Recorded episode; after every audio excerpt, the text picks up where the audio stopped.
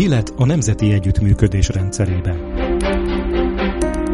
Interjúsorozat Magyarország elmúlt tíz évéről.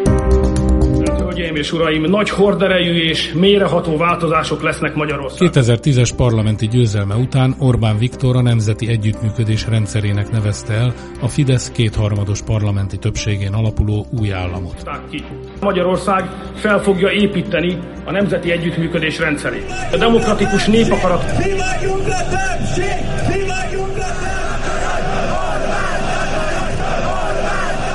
Nemzeti együttműködés helyett továbbra is versengő demokráciában élünk, sokan persze ezt is vitatják.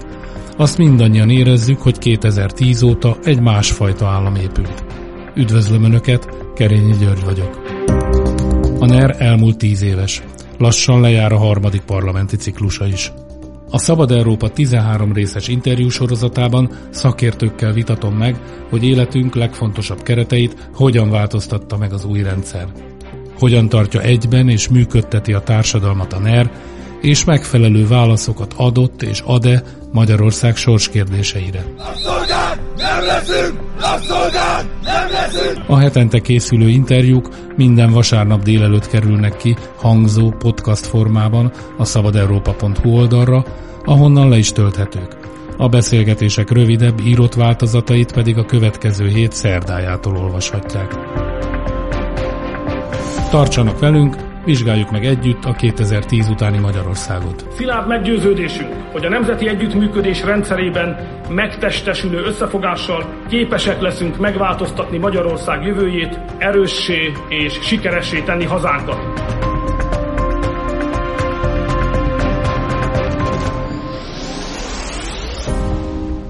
Első rész. Hogyan integrálja a NER a magyar társadalmat?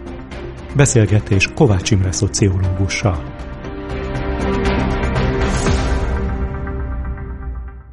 Mit értünk azon a kifejezésen, hogy társadalmi integráció?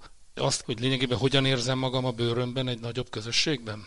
Ez része, de nem teljesen ezt értjük csak társadalmi integráción. A szociológia érdeklődik az iránt, hogy miért működnek együtt az emberek egy adott keretben. Ez lehet egy kis falu, egy város, de lehet egy társadalom is, ami megszerveződött egy nemzetben, vagy megszerveződött egy állam keretein belül. Lehet olyan okokról beszélni, amelyek vonzák az embereket arra, hogy együttműködjenek, kooperáljanak másokkal, elfogadjanak olyan értékeket, ami egy közösség számára, a közösség többsége számára elfogadható. Ezt megfogalmazhatják társadalmi célként is. Ez szolgálhatja azt, hogy egy eh, társadalom több-kevesebb konfliktussal de működjön, vagy hogyha megbicsaklik valamin ez az egyetértés, akkor egyes csoportok milyen új értékeket, politikai érdekeket kifejezve találjanak arra, hogy megváltoztassák egy társadalom addig kormányzó rendjét. Ez egy szükségszerű állapota akkor a társadalomnak az integráltság, ugye? És a dezintegráltság pedig egy nem jó egy jól, egy jól működő közösség. Maradjunk maradjunk az állami szintnél talán. Egy jól működő nemzet az egy jól integrált társadalmat jelent. Az azt jelenti, hogy azok az intézmények, azok a csoportok, amelyek fontos szerepet játszanak egy integráció szervezésében, létrehozásában, azoknak a működése általánosan elfogadott, és sikerült olyan célokat, olyan normákat, olyan értékeket, olyan viselkedés szabályokat találni, amelyeket a többség betart. A dezintegráció az többféle értelemben használható. Vonatkozik azokra is, akik bármi okból, de csak nagyon lazán kapcsolódnak egy ilyen társadalomhoz. Többnyire azért, mert kipörögtek ebből a társadalomból, vagy kitaszítottak ebből a társadalomból. Tehát a normaszegők, normaszegők, bűnözők, bűnözők, magányosok. magányosok, de hát azok is, akik önhibájogon kívül eh, annyira szegények, hogy nagyon a peremén élnek egy társadalomnak. A dezintegráltság a társadalom különféle szintjein is létrejöhet lehet, az egyéni különösen, vagy a kis csoporté különösen, de hát eh, társadalmi mértékben gondolkozva a dezintegráció által azért leginkább a nagyon szegények, a majdnem nincsenek uh-huh. veszélyeztetettek. Miért viselik el az emberek egy társadalomban, hiszen minden társadalomban vannak különbségek, azt, hogy nekem nincs, a másiknak van. Az, hogy vannak hatalmasok, akik nekem parancsolgatnak. Azt, hogy az én gyerekemből tudom, hogy úgyse lehet orvos, mert lehet, hogy ő is csak közmunkás lesz. Miért viselik el az emberek ezt? Mi képes erre rávenni őket? Egyrészt nyilvánvaló a közmegegyezés, amiről beszéltem. Ha egy társadalom úgy működik, és hát minden társadalom úgy működik, hogy abban vannak egyenlőtlenségek, akkor az alul levők, akiknek elvileg a legtöbb okuk van arra, hogy ne fogadják el egy adott kor adott társadalmának a működését, mégiscsak találnak olyan életcélokat, vagy mégiscsak van arra lehetőségük, ha ő nem, de a gyereke följebb kerülhet. Vagy eh, ha egy viszonylag gazdag társadalomról van szó, amelyik még az alsó középrétegek számára, vagy az alsó egyharmad felső részei számára is viszonylag elfogadható életszínvonalat nyújt, akkor nincs ok arra, hogy lázadjon, mert ugye egy lázadás az mindig rizikóval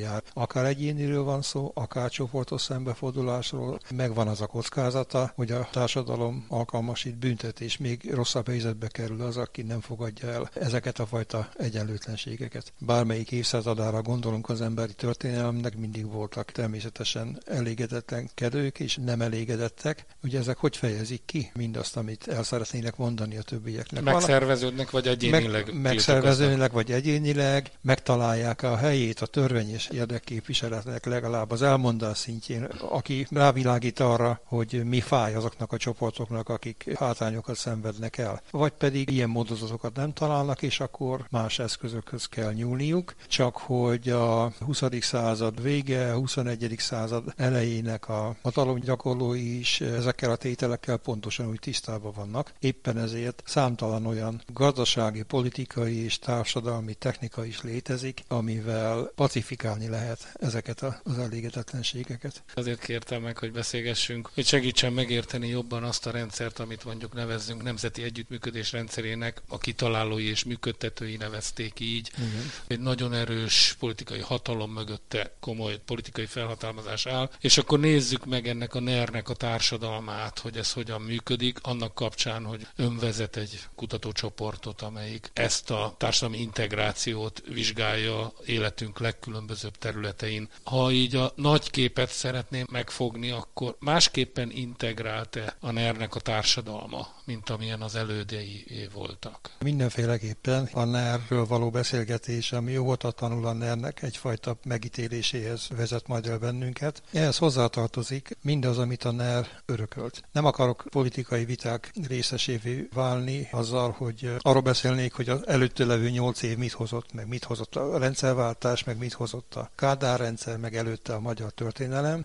de az biztos, hogy 2010-ben a NERT vezető politikusok előtt elég nagy dilemma lehetett, hogy mit csináljanak ezzel a kapott örökséggel, hiszen a szegénység elég nagy foka adott volt. Mindegy, hogy kinek a felelősségétől az örökség minőségnél ez nem szempont. Nagyon sok olyan használható technika, amit a saját céljaira a NER felhasznált, ezek is adottak voltak. A fejlesztési források egy jelentős részét projektformában osztják. Az EU támogatások. Hát meg a saját támogatásokat is, ugye ez nem a NER-nek a rendszeréből következik, hanem ez egy európai adottság. Sok minden mást lehetne felsorolni, és az nagyon nagy hiba lenne, hogyha úgy indulnánk neki a NER rendszerének a megértéséhez, hogy nem veszük ezt eh, figyelembe, hogy milyen alternatívák voltak. Ezen belül ez az én megítélésem, vagy akár ha tetszik ítéletem a NER-ről, amivel lehet, hogy sokan nem társulnának hozzám a saját tudományomban is, nem irreális, viszont konzekvens válaszok születtek a NER 10 vagy 11 éve alatt. Hogy ezek hova vezettek, ezek mögött milyen mögötte szándékok voltak, és milyen következményekkel jártak, ez egy másik kérdés. Próbáltok ebben a könyvben megnézni azt, hogy milyen célkitűzés célkitűzései voltak a NER elején uh-huh. a kormányprogramnak, és ebből mi valósult És mire meg. jutottak? Mindegyikben van előrelépés, mert hiszen munkaalapú társadalom, munkaalapú társadalomban történt nemzet, valami. Elicsere területén történt valami, középosztály megerősítése, ami egy fontos cél volt, itt is történt valami, csak hát egyrészt az a kérdés, hogy ennek mekkora az ára, mi az az ára, amit már most is látni lehet, másrésztről pedig, hogy ez mennyire volt hatékony. Harmadrészt, hogy ehhez soha ki nem mondott szándéka, vagy csak nagyon-nagyon csendben kimondott szándéka lehetett a NER rendszerét működtetőknek az, a felismerés, hogy mindezen célok megvalósításához, amiben persze ott szerepelt a hatalomnak a megőrzése, és ott szerepeltek olyan melléktermékei is a ner amit egyáltalán nem lehet elfogadni, de ez mindenféleképpen politikai, tehát társadalmi stabilitásra van szükség. Az én gondolkodásomban ennek a stabilitás teremtésnek a megértése az, ami nagyon alkalmas lehet a NER rendszer működésének a megértéséhez.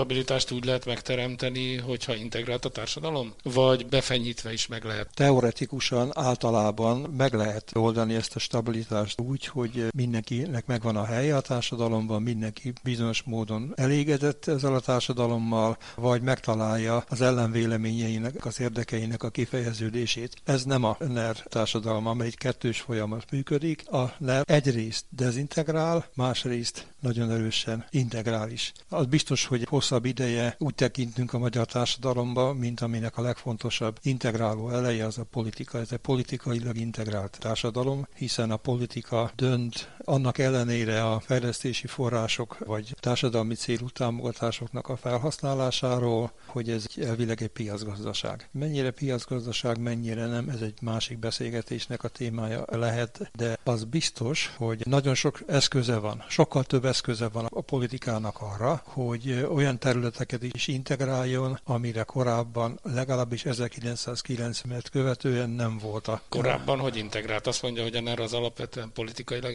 integrál. 90 és 2010 között hogyan integrálták a társadalmat? Vagy az a dezintegráltabb társadalom? Azt hiszem, hogy sokkal dezintegráltabb társadalom lehetett. Abban a vonatkozásban, hogy nem egy központi akarat határozta meg az integráció működése szempontjából legfontosabb területeknek a működését. De az, hogy vannak szereplőknek autonómiája, ez nem feltétlenül a dezintegrációnak a jele. Egy sikeres nem. nyugat-európai társadalom is sok aktorral együtt működik. Sőt, még kiemelkedő konzervatív gondolkodók is, akik számára egy társadalom stabilitása vagy a működésének a folyamatos fenntartása az elsődleges érték, ők is pontosan tudták és le is írták, hogy ez akkor működhet, ha ezek a bizonyos autonómiák ezek működőképesek, meg amit én is hangsúlyoztam, hogy a egyének vagy embercsoportoknak van módja arra, hogy az érdekeiket, ellenvéleményüket kifejezzék, és ezt meg is tudják szervezni. És ez a nerben gyengült? Bizonyos értelemben gyengült, hiszen egy külön tanulmány ebbe a könyvben leírja mondjuk a civil szektornak az átalakulását. Ugye a civil szervezetek száma nagyságrendileg nem lett nagyon sokkal kevesebb, viszont azoknak a civil alapítású szervezeteknek az aránya ezen belül vagy száma jelentősen csökkent, akik macska körömbe téve politizálásra szerveződtek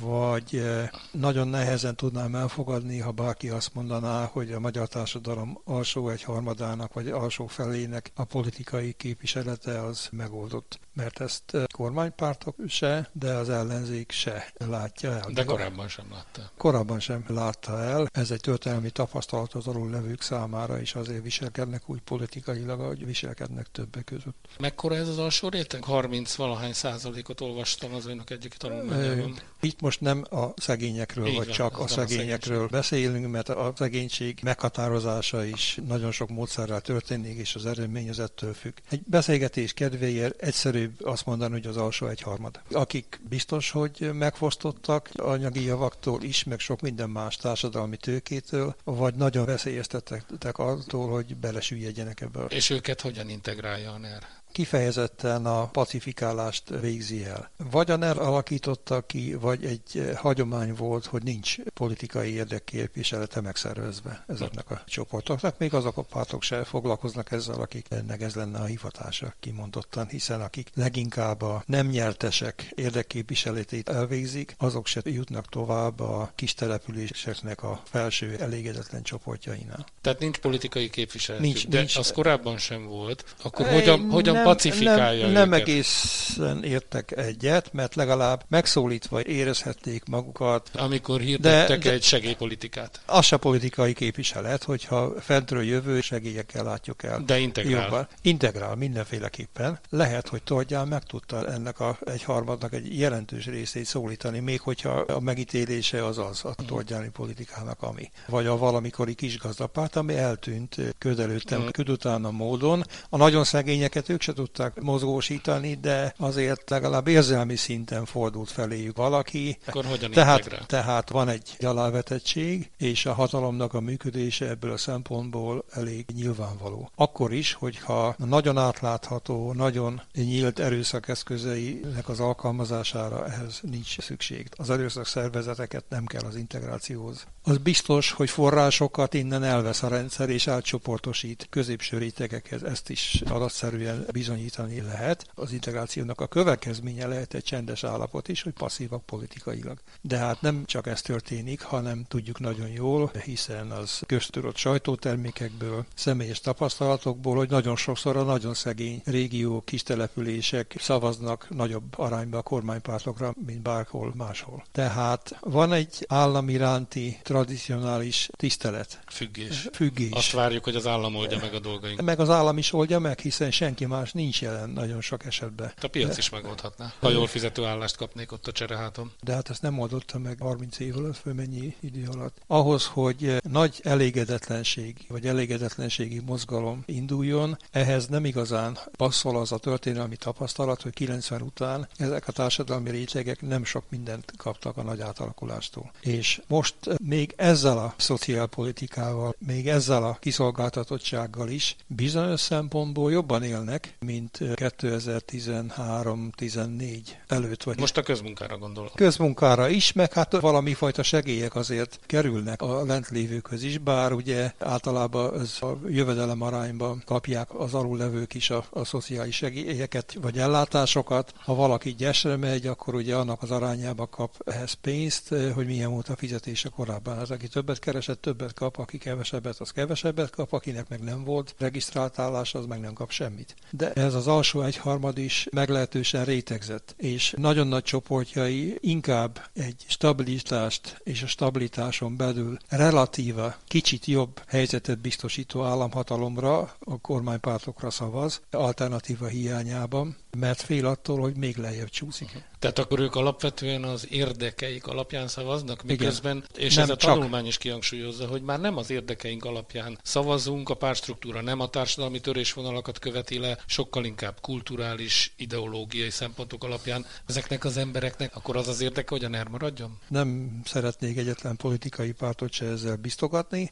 de bizonyos értelemben alternatíva hiányában én meg tudom érteni, hogy érdekei szerint is szavaz a szegény magyar választópolgár, ami lehet egy felismert országos szinten vonakoztatott érdek, de hát lehet egy bőre kiszolgáltatottság is a helyi hatalom képviselőinek, akik nem csak a helyi közigazgatást jelentik, hanem a helyi gazdasági elitet, ami az esetek nagyon nagy többségében összefonódott a közigazgatási hatalommal. Más részről pedig a rendszer nagyon sok mindent megtesz azért, hogy információk ne jussanak el ezekhez a csoportokhoz. Ugye a sajtóviszonyokra utalnék, amire annyira nyilvánvaló, hogy nem is szeretném részletezni. De tegyünk még ehhez hozzá más csatornákat is, és a kellően fel nem ismert kulturális vonatkozásokat, vagy az identitáspolitikát, ami azzal, hogy a, a helyi értékeket hangsúlyozza élelmiszerfogyasztástól kezdve a helyi ünnepeknek a megszervezéséig, az valahogy egy kicsit elfogadhatóvá teszi mentálisan. Hogy a település kap egy kis pénzt, hogy a főtéren a első világháborús emléket felújítsák, és legyen térkő, az, hogy falunapok vannak, tehát a lokalitást a, Igen. a Fidesz tudja kiaknázni politikailag? É, teljes mértékig. Én soha nem értettem meg, hogy a nem konzervatív oldal miért engedi át ezt a területet a jobb oldalnak, a konzervatív oldalnak, hiszen nyilvánvalóan keletkezett egy óriási űr 90 előtt, egyrészt a személyes, másrészt a kisközösségi történetek fordulópontjainak a kimondására, vagy a úgymond a nemzeti saját sajátosságoknak az újrafogalmazására. Ezek elég fontos közösségformáló. A legalsó rétegekben is? Ami mi nem tudom, mi,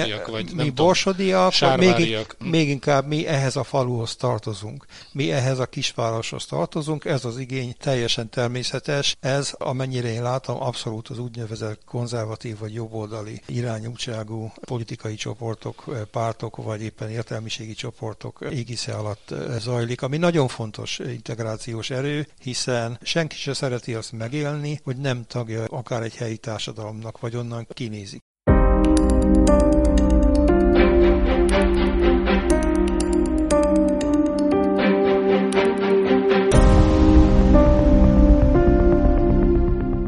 Azt gondoltam, hogy ez csak a vidéki középosztály integrálásában szereplő, de ön azt mondja, hogy ez az alsóbb rétegeket is. Ezt a vidéki felső középosztály, ugye a felső egyharmad, ha maradunk ezeknél a halmazoknál, praktikusan ők integrálják a kisebb Akik egyébként kapják, hogy átugorjunk egy másik területre is, a projekt alapú fejlesztési pénzeket is vidéken. Így van, ezeket ugye a ők... trafikot, a panzióépítés pénzt. Nem csak így módon megfizetett emberekről van itt szó, hiszen hát tehát a, ugye a kulturális megfogalmazású vagy telítettségű ünnepségek is egyebek, azok nem olyan haszonnal járnak, mint egy trafik.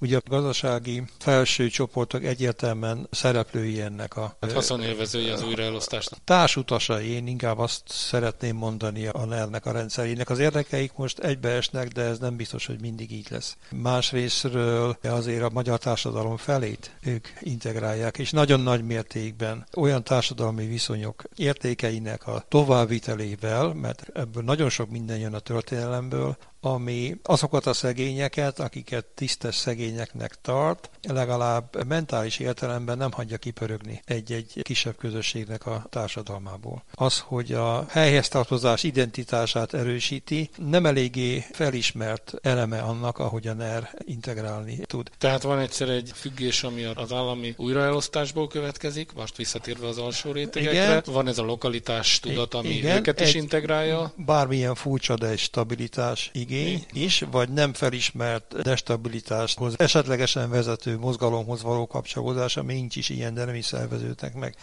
A destabilizáció az mondjuk akár a menekültelenes propaganda is. Ez a manipulatív technikákhoz sorolandó az én fejembe, aminek a jelentőségét nem lehet letagadni, részint az információ áramlásnak a megszavásával, másrészt pedig ilyen manipulatív... Fenyegetettség érzetet kell kelteni, tehát ebben a stabilitás érzetben veszélyektől való megvédettség is számít, amely veszélyek nem reálisak, csak kreáltak. Igen, de ezt nincs meg társadalomkutató, aki meg tudná mondani, hogy ezek közül melyek az erősebben hatók, és én azt gondolom, hogy mégis csak a közvetlen érdekek és azok az életviszonyok, amelyek mentális értelemben elfogadhatóvá, vagy éppen komfortosá tesznek egy olyan egyenlőtlen társadalomhoz való tartozás is, mint a magyar társadalom, szerintem ezek erősebbek, mint bármilyen menekültügyi propaganda.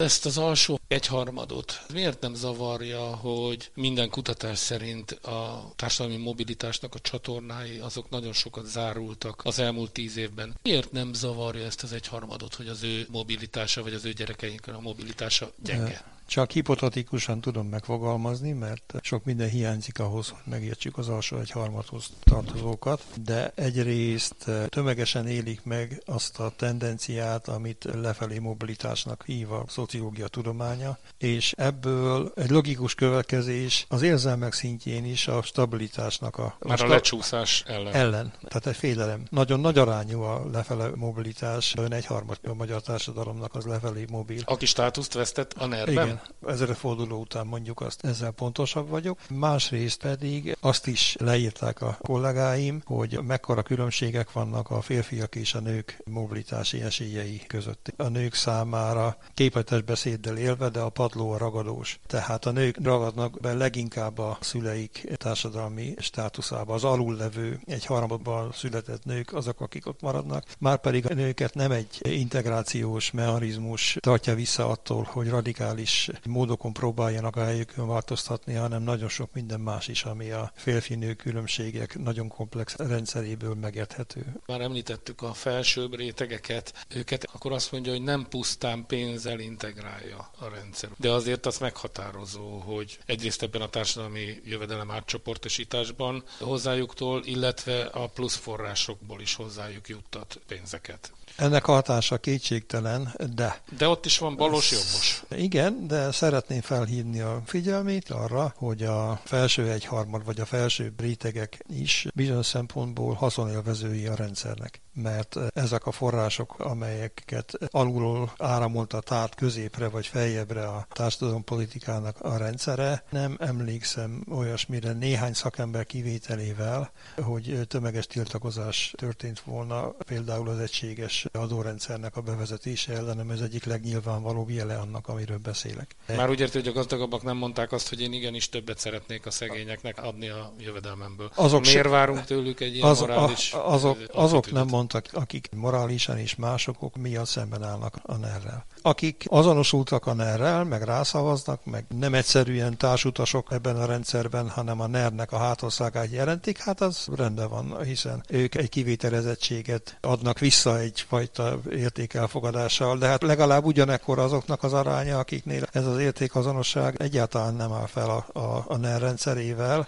de mégiscsak haszonélvezői annak sok vonatkozásban. Hát nézd, a legutóbbi időszakig nem igazán volt a magyar társadalomban infláció, hát ezt nem nagyon szoktuk mondani, de azért ez egy elég megnyugtató dolog azok számára, akik kicsibe, nagyba, közepesen, de elkezdtek ezt-azt felhalmozni, és azért ez nem a felső tízezer, hanem ennél sokkal nagyobb réteg, vagy azt se tapasztalatom, hogy ugyanez a felső fele a magyar társadalomnak, aminek egyre nagyobb része aktívan is szembefordul a rendszerével, ugyanakkor ne élne azokkal a lehetőségekkel, amivel a saját gyerekeinek az iskolai és egyéb privilegizálását vagy előbbre jutását segítse, már pedig ez mind a társadalom alsó felének a alsó félbe tartásának az eszköze. Itt valami olyan morális, az önértek ellen ható dolgokat kér számon az Nem. embereken, amit nehéz elvárni. Nem, én magyarázom, hogy miért nincs radikális a fellépés a rendszer ellen. De a kérdés az az volt, hogy hogyan integrálja ezeket az embereket. Így az én gyerekem egyháziskolába megy, aztán megpróbáljuk majd, hogy kimenjen Londonba. Igen.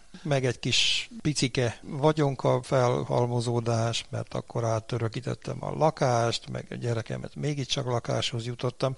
Ezek nem mérhetők, ezek az összegek a csúcson levőknek a projekteken keresztül megkapott 100 milliárdjain. Én csak azt szerettem volna magyarázni, hogy ez egy olyan elem, amit nem szoktunk számba venni annak a mérlegelésénél, hogyha igazam vagy igazunk volt, hogy a stabilitás megteremtése társadalmi és ezzel politikai és ezzel hatalmi stabilitás megteremtése miért központi eleme annak a rendszernek, amiről beszélünk a ner Ez még azok esetében is hat, legalábbis nem tudatosult formában, akik egyébként más jellegű érdekeik, értékeik. Tehát kimennek a hetedik alkotmánymódosítás ellen tüntetni, de elfogadják ezt a torz újraelosztást. De ezzel vége is van a tiltakozásnak.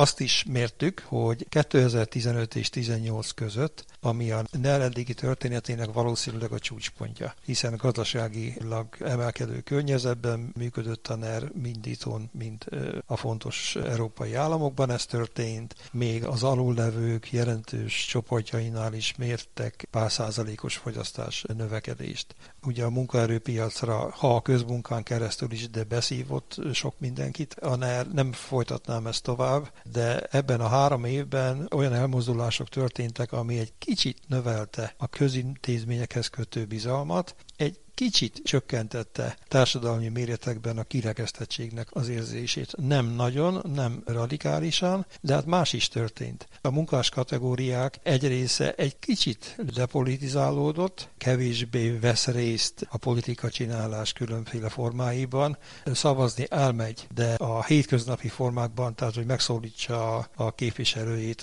az önkormányzatokban, vagy bármi ilyesmit sorolunk mi más politizálási formákhoz.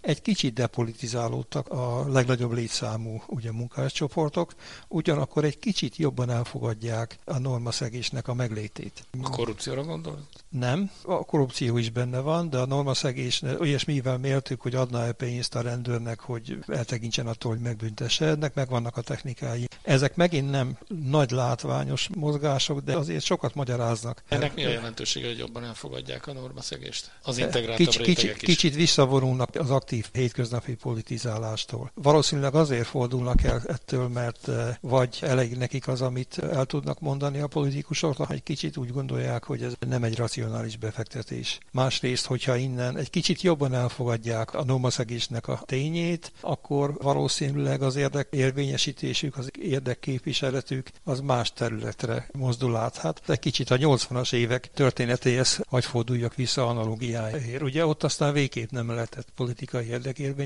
érdekérvényesítésről beszélni, meg egyebekről. Hát az emberek kivonultak a, a legális, illegális határán levő második gazdaság formáiba. Tehát, hogy egy ilyen általánosabb normaszegést, az ügyeskedést. Azokat a normákat, amit korábban egy kicsit erősebben elfogadott a magyar társadalom. Nem ők szegik meg a normákat, hanem nem utasítják vissza olyan erővel, mint korábban. Egy társadalmi csoportban még, aki furcsa módon nagyon erőteljesen ugyanezt érzi, ezek a vállalkozók. Akik azt mondják, hogy hát ez egy ilyen rendszer ebbe kell élni, ebbe kell boldogulni. Bizonyos interpretációban azt is jelenti, hogy nagyon széles csoportok egy beállt rendszert, 2015-18-ról beszélek, azzal fogadnak el, hogy egy kicsit visszavonulnak a politikából, és más útokon, módokon próbálnak érdekeket, vagy elfogadják azt, hogy mások olyan módokon képviseljenek gazdasági vagy másfajta érdekeket, ami szembe megy a társadalmi normákkal.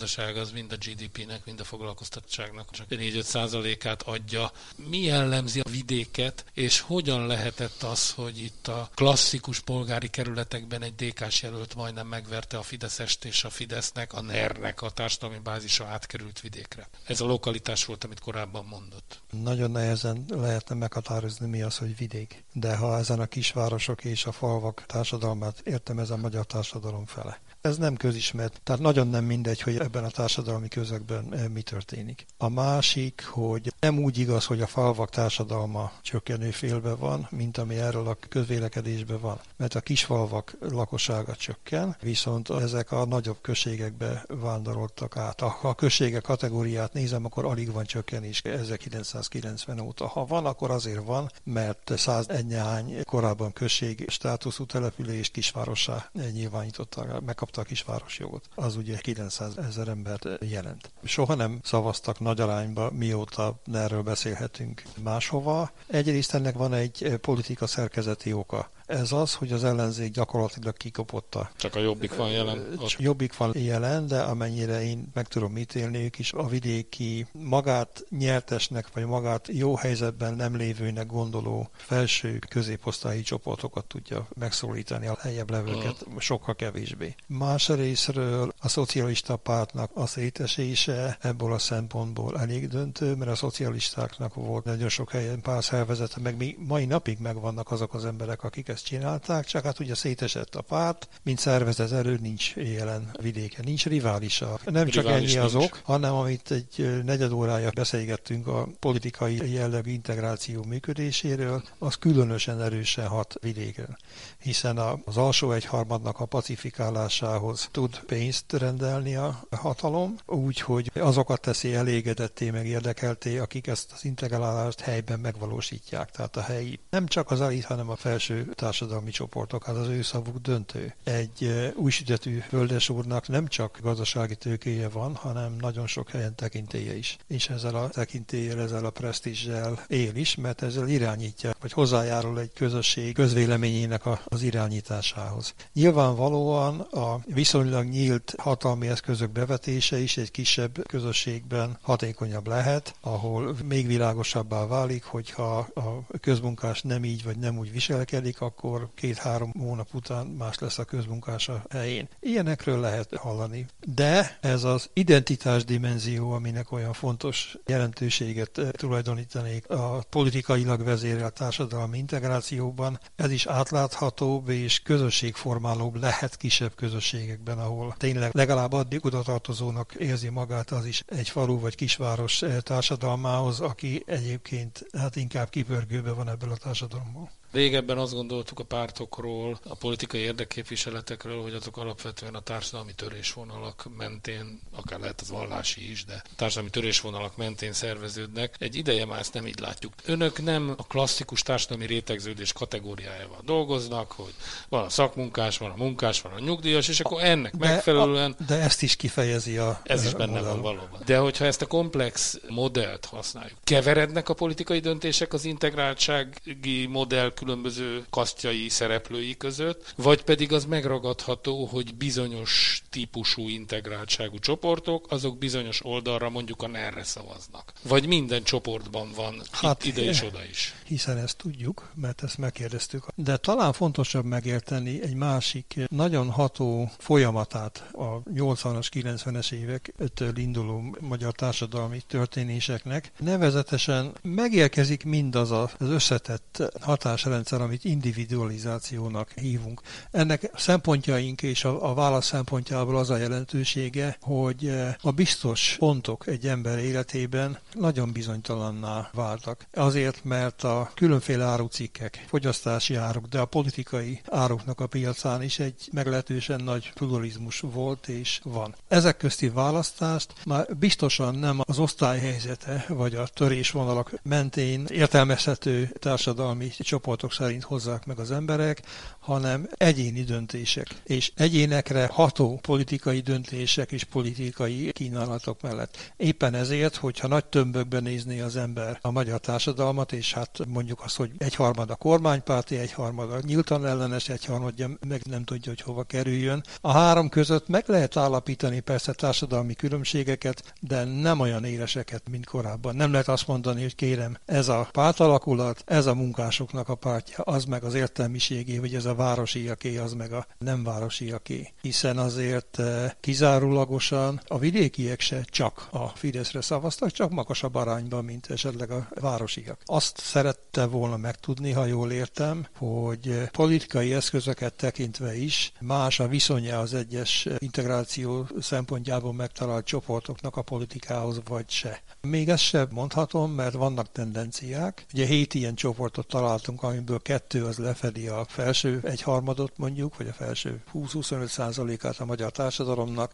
Kik? Az egyiket aktív politizálással, kapcsolatgazdagsággal, a többieknél magasabb végzettséggel, nem rossz jövedelemmel és hasonlókkal lehetett leírni. A második társaság az egyértelműen az országos kulturális elit től, annak a normáitól nagyon is sajátos arcélel elkanyarodó vidéki felső egyharmadot jelenti, akik kulturálisan is mások. Fogyasztanak épp úgy, mint a nagyvárosi felsőosztályok, csak kicsit mást. És más az integrációs szerepük is. Elkülönültek ettől, ugye ők lokálisan integráltak. A lokális integrációnak a motorjai. A motorjai. Ők az integrált. Három nagyobb csoportot lehetett azonosítani így hagyományos fogalmakkal középrétegeként, akik akiket azt szerint neveztünk el, hogy mi az a nagy rendszer, ami leginkább integrálja őket. Hát van egy munkaerőpiacon integrált egy csoport, akiknek 90 valahány százaléka az aktív kereső, és akik eléggé normakövetők és eléggé a politikusak.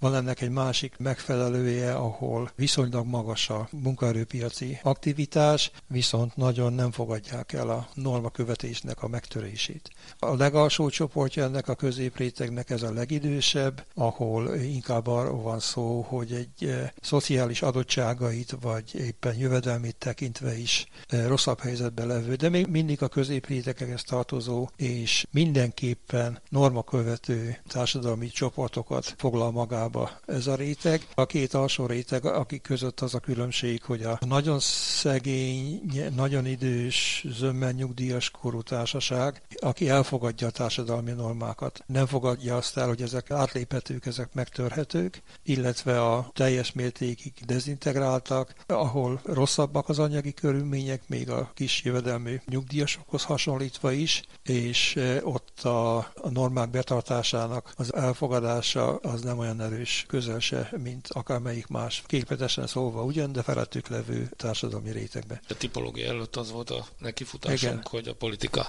hogyan kapcsolódik ezekhez a csoportokhoz. Ezek a csoportok nyilvánvalóan más viszonyban vannak a politikával, és vannak különbözőségek abban a szempontból, hogy eh, ha most lenne a választás, akkor kire szavaznának erre a kérdésre, hogy hogyan válaszoltak. De általában is jellemző, hogy a jobban integrált társadalmi csoportok között egy kicsit erősebb a kormánypárthoz közelebb levőknek az aránya, bár korán sem kizárólagos. Lent pedig annyira erős a pacifikálás a hagyományos értelemben potenciálisan leginkább elégedetleneknek, hogy elfordulnak a politikától. Nem igazán kérdése számukra, hogy támogatják-e vagy nem uh-huh. támogatják a ner a rendszerét. Helyesebben a normakövető és nem mondhatnám, hogy jól integrált társadalmi csoport arról a második az előbbi felsorolásban, az nyilván ilyen szempontból is követi a normákat, hogy az állam képviselőjére szavaz. Mert a stabilitás számára evidensen a legfontosabb érték, hiszen hogyha gyengülne tovább a nyugdíja, vagy bármi történne abban az államtól amúgy egyenlőtlenül kapott ilyen-olyan, amolyan jutatásban, akkor menthetetlenül a legszegényebb, leginkább dezignizációba süllyednének le.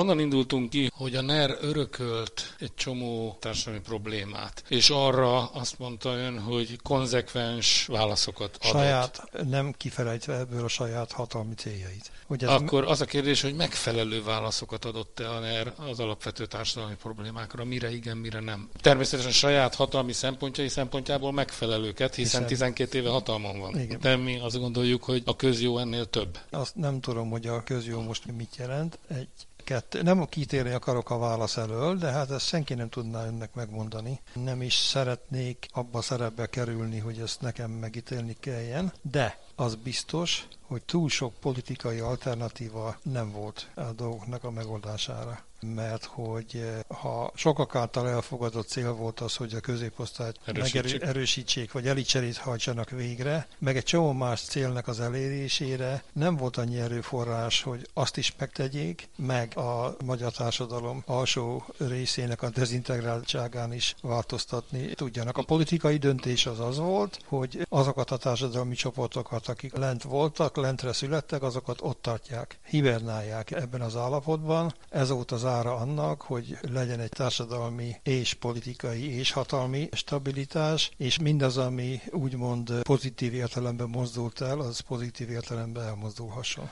Ezzel nem lehet elfogadtatni a korrupciót, nem lehet elfogadtatni a úgynevezett nerv. De az egy kulcsos jövedelemadót, igen. Az egy kulcsos jövedelemadót, azt bizonyos értelemben a társadalom is elfogadta, vagy legalábbis ezt élvezi anélkül, hogy néhány szakértő kivételével nem mondaná azt, hogy ez így nem jó. Tehát azt mondja, hogy akkor ebből a szempontból a NER kényszerpályán volt. Az általa kitűzött célokat csak így tudta megvalósítani, és abban a pillanatban, hogyha már arra a területre elvezünk, hogy valóban ezek lettek volna-e a fontos célok, vagy ezek a magyar társadalom legfontosabb problémái, akkor már belemegyünk egy ilyen értékválasztás kérdésbe, ami értékválasztás kérdésbe belemegyünk, másrészt pedig eh, bármilyen politikai konstelláció adja a kormányokat 2010-ben vagy utána. Én úgy látom, hogy nem lett volna túl sok, vagy lényegesen más alternatívája ahhoz, hogy ezeket a kérdéseket feltegye és döntsön Hát dönteni kellett, hogy mit miért áldoz fel. Valószínűleg az nem vált volna be, hogy egy liftszerű felemelkedést biztosítson a magyar társadalomnak, ahol az alulrevők is emelkednek, mert hát egyetlen adat sem mutat erre.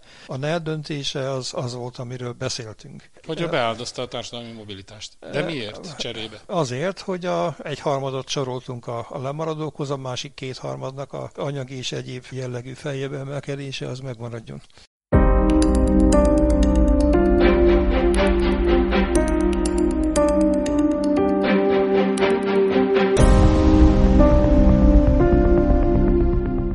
Itt a döntés az nem is norma és értékdöntés. Amikor ezügyben bárki vagy bárkik egy érvényes döntést meg tudnak hozni, ott abba kell döntést hozni, hogy emögött csupán egy hatalmi elitnek a hatalom kisajátítása és a források leszívása volt a döntő, vagy ettől az egésztől a társadalom egésze is kapott olyasmiket, amiből ha lehántjuk a manipulatív részeket, akkor egy fejlődési foknak lehet tekinteni. És akkor ön azt mondja, hogy igen. Én nem mondtam semmit, azt mondtam majd, ha valaki ezt megítéli, akkor ezt kell eldöntenie. Én azt mondtam évekkel ezelőtt is, hogy a, azt a részét a NER-nek, ami a tudati folyamatokra hatott, illetve ami a tudásátadást intézményesen is egyébként is meggátolta, ezt nem lehet elfogadni. És én nem látom az abból fakadó előnyöket se, hogy egy kiválasztott csoportot meglehetősen nagy financiális gazdasági előnyökbe részesít. Ez mindig gyanús az ember számára, hogyha a vezetők körül képződik egy ilyen csoport, mert az összefonódást és a magán és családi célokat mindig gyanítja, akkor is, ha vannak, akkor is, ha nincsenek, vagy nem egyértelműek, de erre akkor lehet választ adni, hogyha arra kapunk választ, hogy az így módon koncentrált vagyonokat hatékonyabban lehetette, vagy lehet-e működtetni. GDP-hez való hozzájárulás, vagy az emberek foglalkoztatottsága szempontjából is, vagy pedig ezt a kisebb egységek is megcsinálták volna sokkal több tulajdonossal az iparbárók és a nerlovagoknak a helyén, de ebbe én nem tudnék most állásfoglalni. Ez ilyen is lehet, olyan is lehet. Ha erre a két dologra tudjuk a választ, akkor el lehet mondani a NER rendszeréről is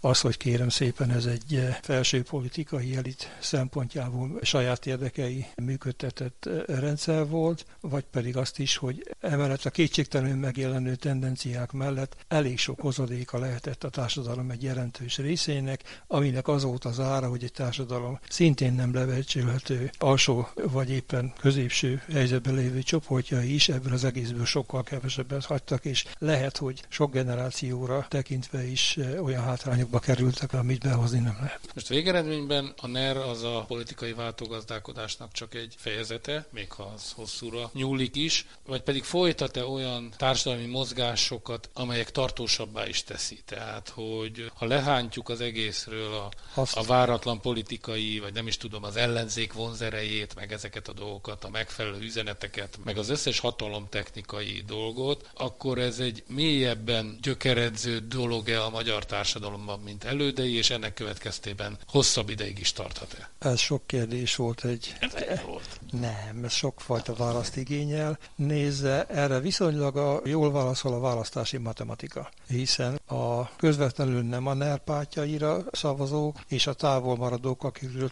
tudjuk, hogy nagy rész elégedetlenek voltak, csak azért nem mentek, mert nem találtak az ellenzéken maguknak távot. Ezek mindig többségben voltak, vagy legalább a felét adták a magyar választók polgároknak. Na most, hogyha a számok világában legalábbis egyfajta ilyen egyensúly van, abban mindig benne van az esélye annak, hogy politikailag is változnak a dolgok. Ezt a végtelenségig nem lehet. Nagyon felkészült, nagyon tehetségesen a politikának ezt a részét végző elitnek a működésével se bebiztosítani. Ilyen nincs. Másrésztről ugye az utóbbi fél évnek a közvéleménykutatásai nem arra mutatnak, hogy a Fidesz olyan társadalmat csinál, tehát ezt kérdezte tulajdonképpen, ami a, mindig a, ami, ami, ami a vezetői biológiai működésének a végéig biztosítja a hatalmukat. Nem, ezt egyáltalán nem látom így. Egészen biztosan lesz olyan politikai mozgalom, aki megtalálja az alsó egyharmadot, nem tudom, hogy mikor és nem tudom, hogy kik. Az a társaság, akiről beszéltünk korábban, hogy ugye integrálja a vidéki Magyarországot, ez